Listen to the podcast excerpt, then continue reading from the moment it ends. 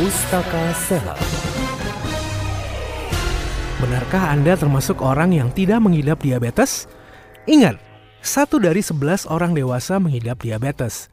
Bahkan 60% penderita diabetes mellitus di Indonesia tidak menyadari bahwa dirinya mengidap diabetes. Bagaimana mendeteksi gejala awal diabetes?